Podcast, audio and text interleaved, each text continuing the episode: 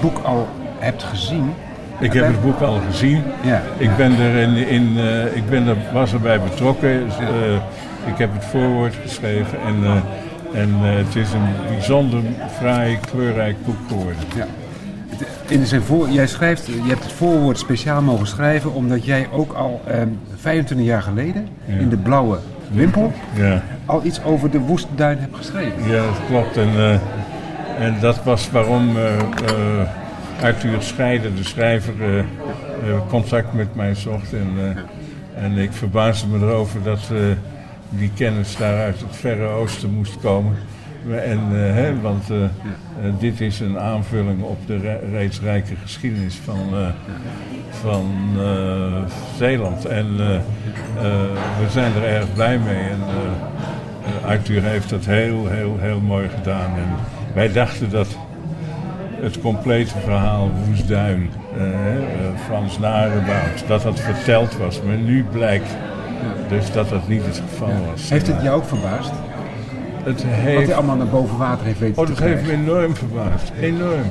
Want eh, ja, ik heb hem, dacht ik, een klein beetje geholpen. eh, Niet te bescheiden hoor. eh, eh, een beetje geholpen in die zin dat, eh, nou ja, die, die Engelsen aan boord en hoe was dat nou? En, en nou ja, dat heeft Arthur tot in de puntjes uitgezocht en hele wijze dingen ontdekt en geweldig. En, Maar de afloop, meneer Roos, het wrak, ligt dat nog steeds op die zeebodem ter hoogte van Westkapelle? Ja. En is er nog iets van terug te vinden?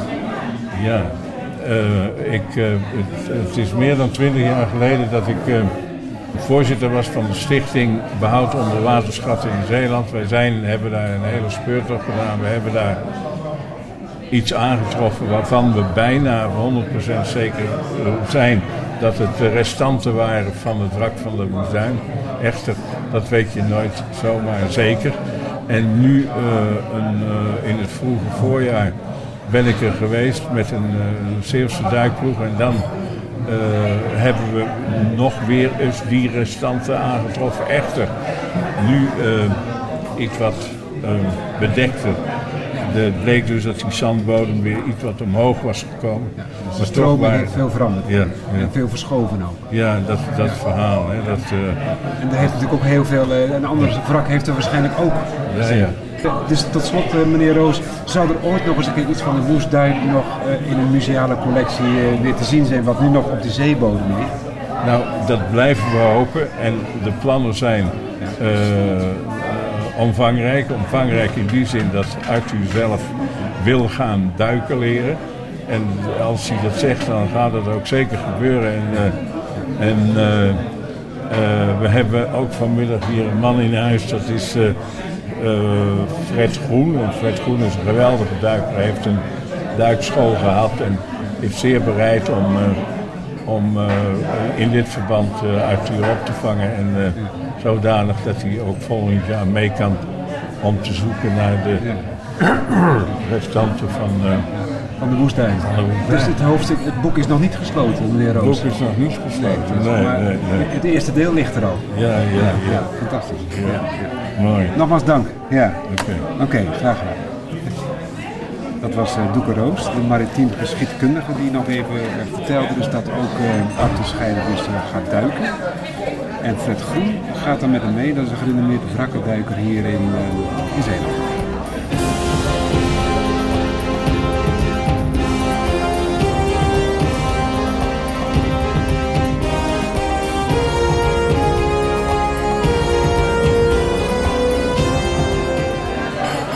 Nog steeds aanwezig bij de presentatie van het boek De Woestijnschipbreuk nader ontrafeld van Arthur Scheide.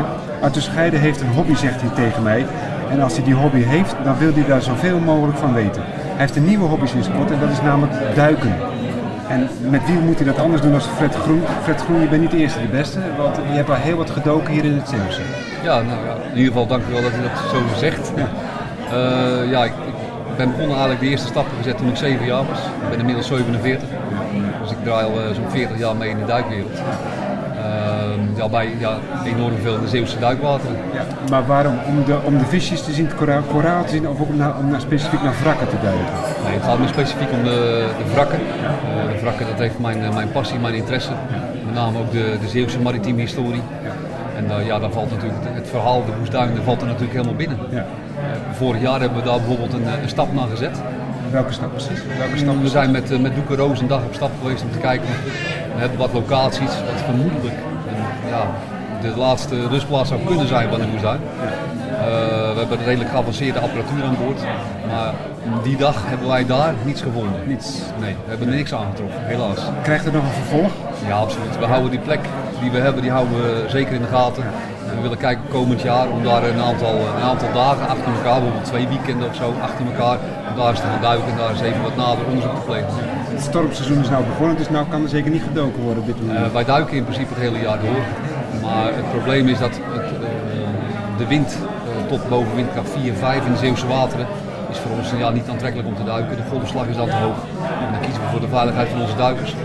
Eh, en het zicht ja, in de Zeeuwse wateren, met name rondom tussen de zandbanken, speelt dan enorm veel part. Maar niet iedereen mag wrakken duiken. Daar moet je toestemming voor vragen. Nee, dat is een beetje een vertekend beeld. Iedereen mag wrak duiken, eh, zolang je de, de, de scheepvaart niet hindert. Eh, we hebben hier natuurlijk een aantal vaarwegen die onder beheer zijn van Rijkswaterstaat. Rijkswaterstaat zegt van nou in vaarwegen moet daar een ontheffing voor aangevraagd worden. Eh, voor sommige locaties hebben we die ontheffing wel gekregen, andere locaties niet. Ehm, maar in principe mag iedereen wrak duiken, alleen je mag niet zomaar bergen. Alles wat ouder is dan 50 jaar valt onder de monumentenwet en ehm, ja, mag niet op geborgen worden. Maar waarom is het juist zo interessant om naar die woestduin te duiken? Schijnt er nog een, een schat te liggen? Schijnt er nog iets meer te liggen? Ja, nou ja, de verhalen daaromtrent zijn natuurlijk eh, bekend. Eh, er zou natuurlijk een, eh, ja, goud en zilverschat aan boord zijn. Eh Arthur heeft er al een stukje wat in zijn, eh, in zijn boek. Hè. Moesduin nader ontrafeld heeft hij al wat gezegd. Maar het, eh, eh, gaat ons met name om, om het, historisch, het historisch verhaal erachter. Kijk, mocht, mocht je iets aantreffen, eh, soms moet je helemaal niet gelukkig zijn dat je iets aantreft. Want dat trekt alleen maar meerdere duikers aan op zo'n locatie. Eh, maar het kan wellicht wat zeggen over de scheepsconstructie die we aantreffen. Stel je voor dat we wat eh, ja, scheeps, scheepsdelen aantreffen. Nou, wij weten eigenlijk heel weinig over die, die 18e, die 17e en die 16e eeuw qua scheepsbouw. Zijn er überhaupt al wrakresten opgedoken en al aan, aan land gebracht in de Nee, er zijn, zover wij weten, eh, op die locatie is er nog niks eh, aan land gebracht. Ehm, we hebben wel een schets waar, waar, waar Doeken in de jaren eh 80 ehm, eh, opgedoken heeft. Ehm, ja, wat, wat onze aandacht eh, heeft. En ook de aandacht van Rijkswaterstaat.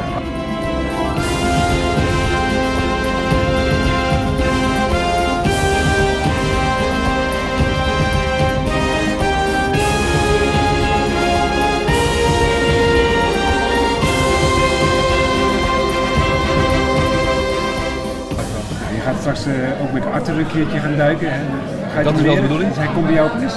Eh, nou, ik, ik, heb tot eh, 2002 heb ik inderdaad een, eh, een duikschool gehad. Een van de weinige duikscholen in Zeeland. Eh, ik was over de eerste duikschool in Zeeland. Maar tot 2002, na 14 jaar, had ik gedacht van nou, ik vind het mooi geweest en ik pak mijn passie het wrakduiken weer op. Ik ben nog wel steeds instructeur.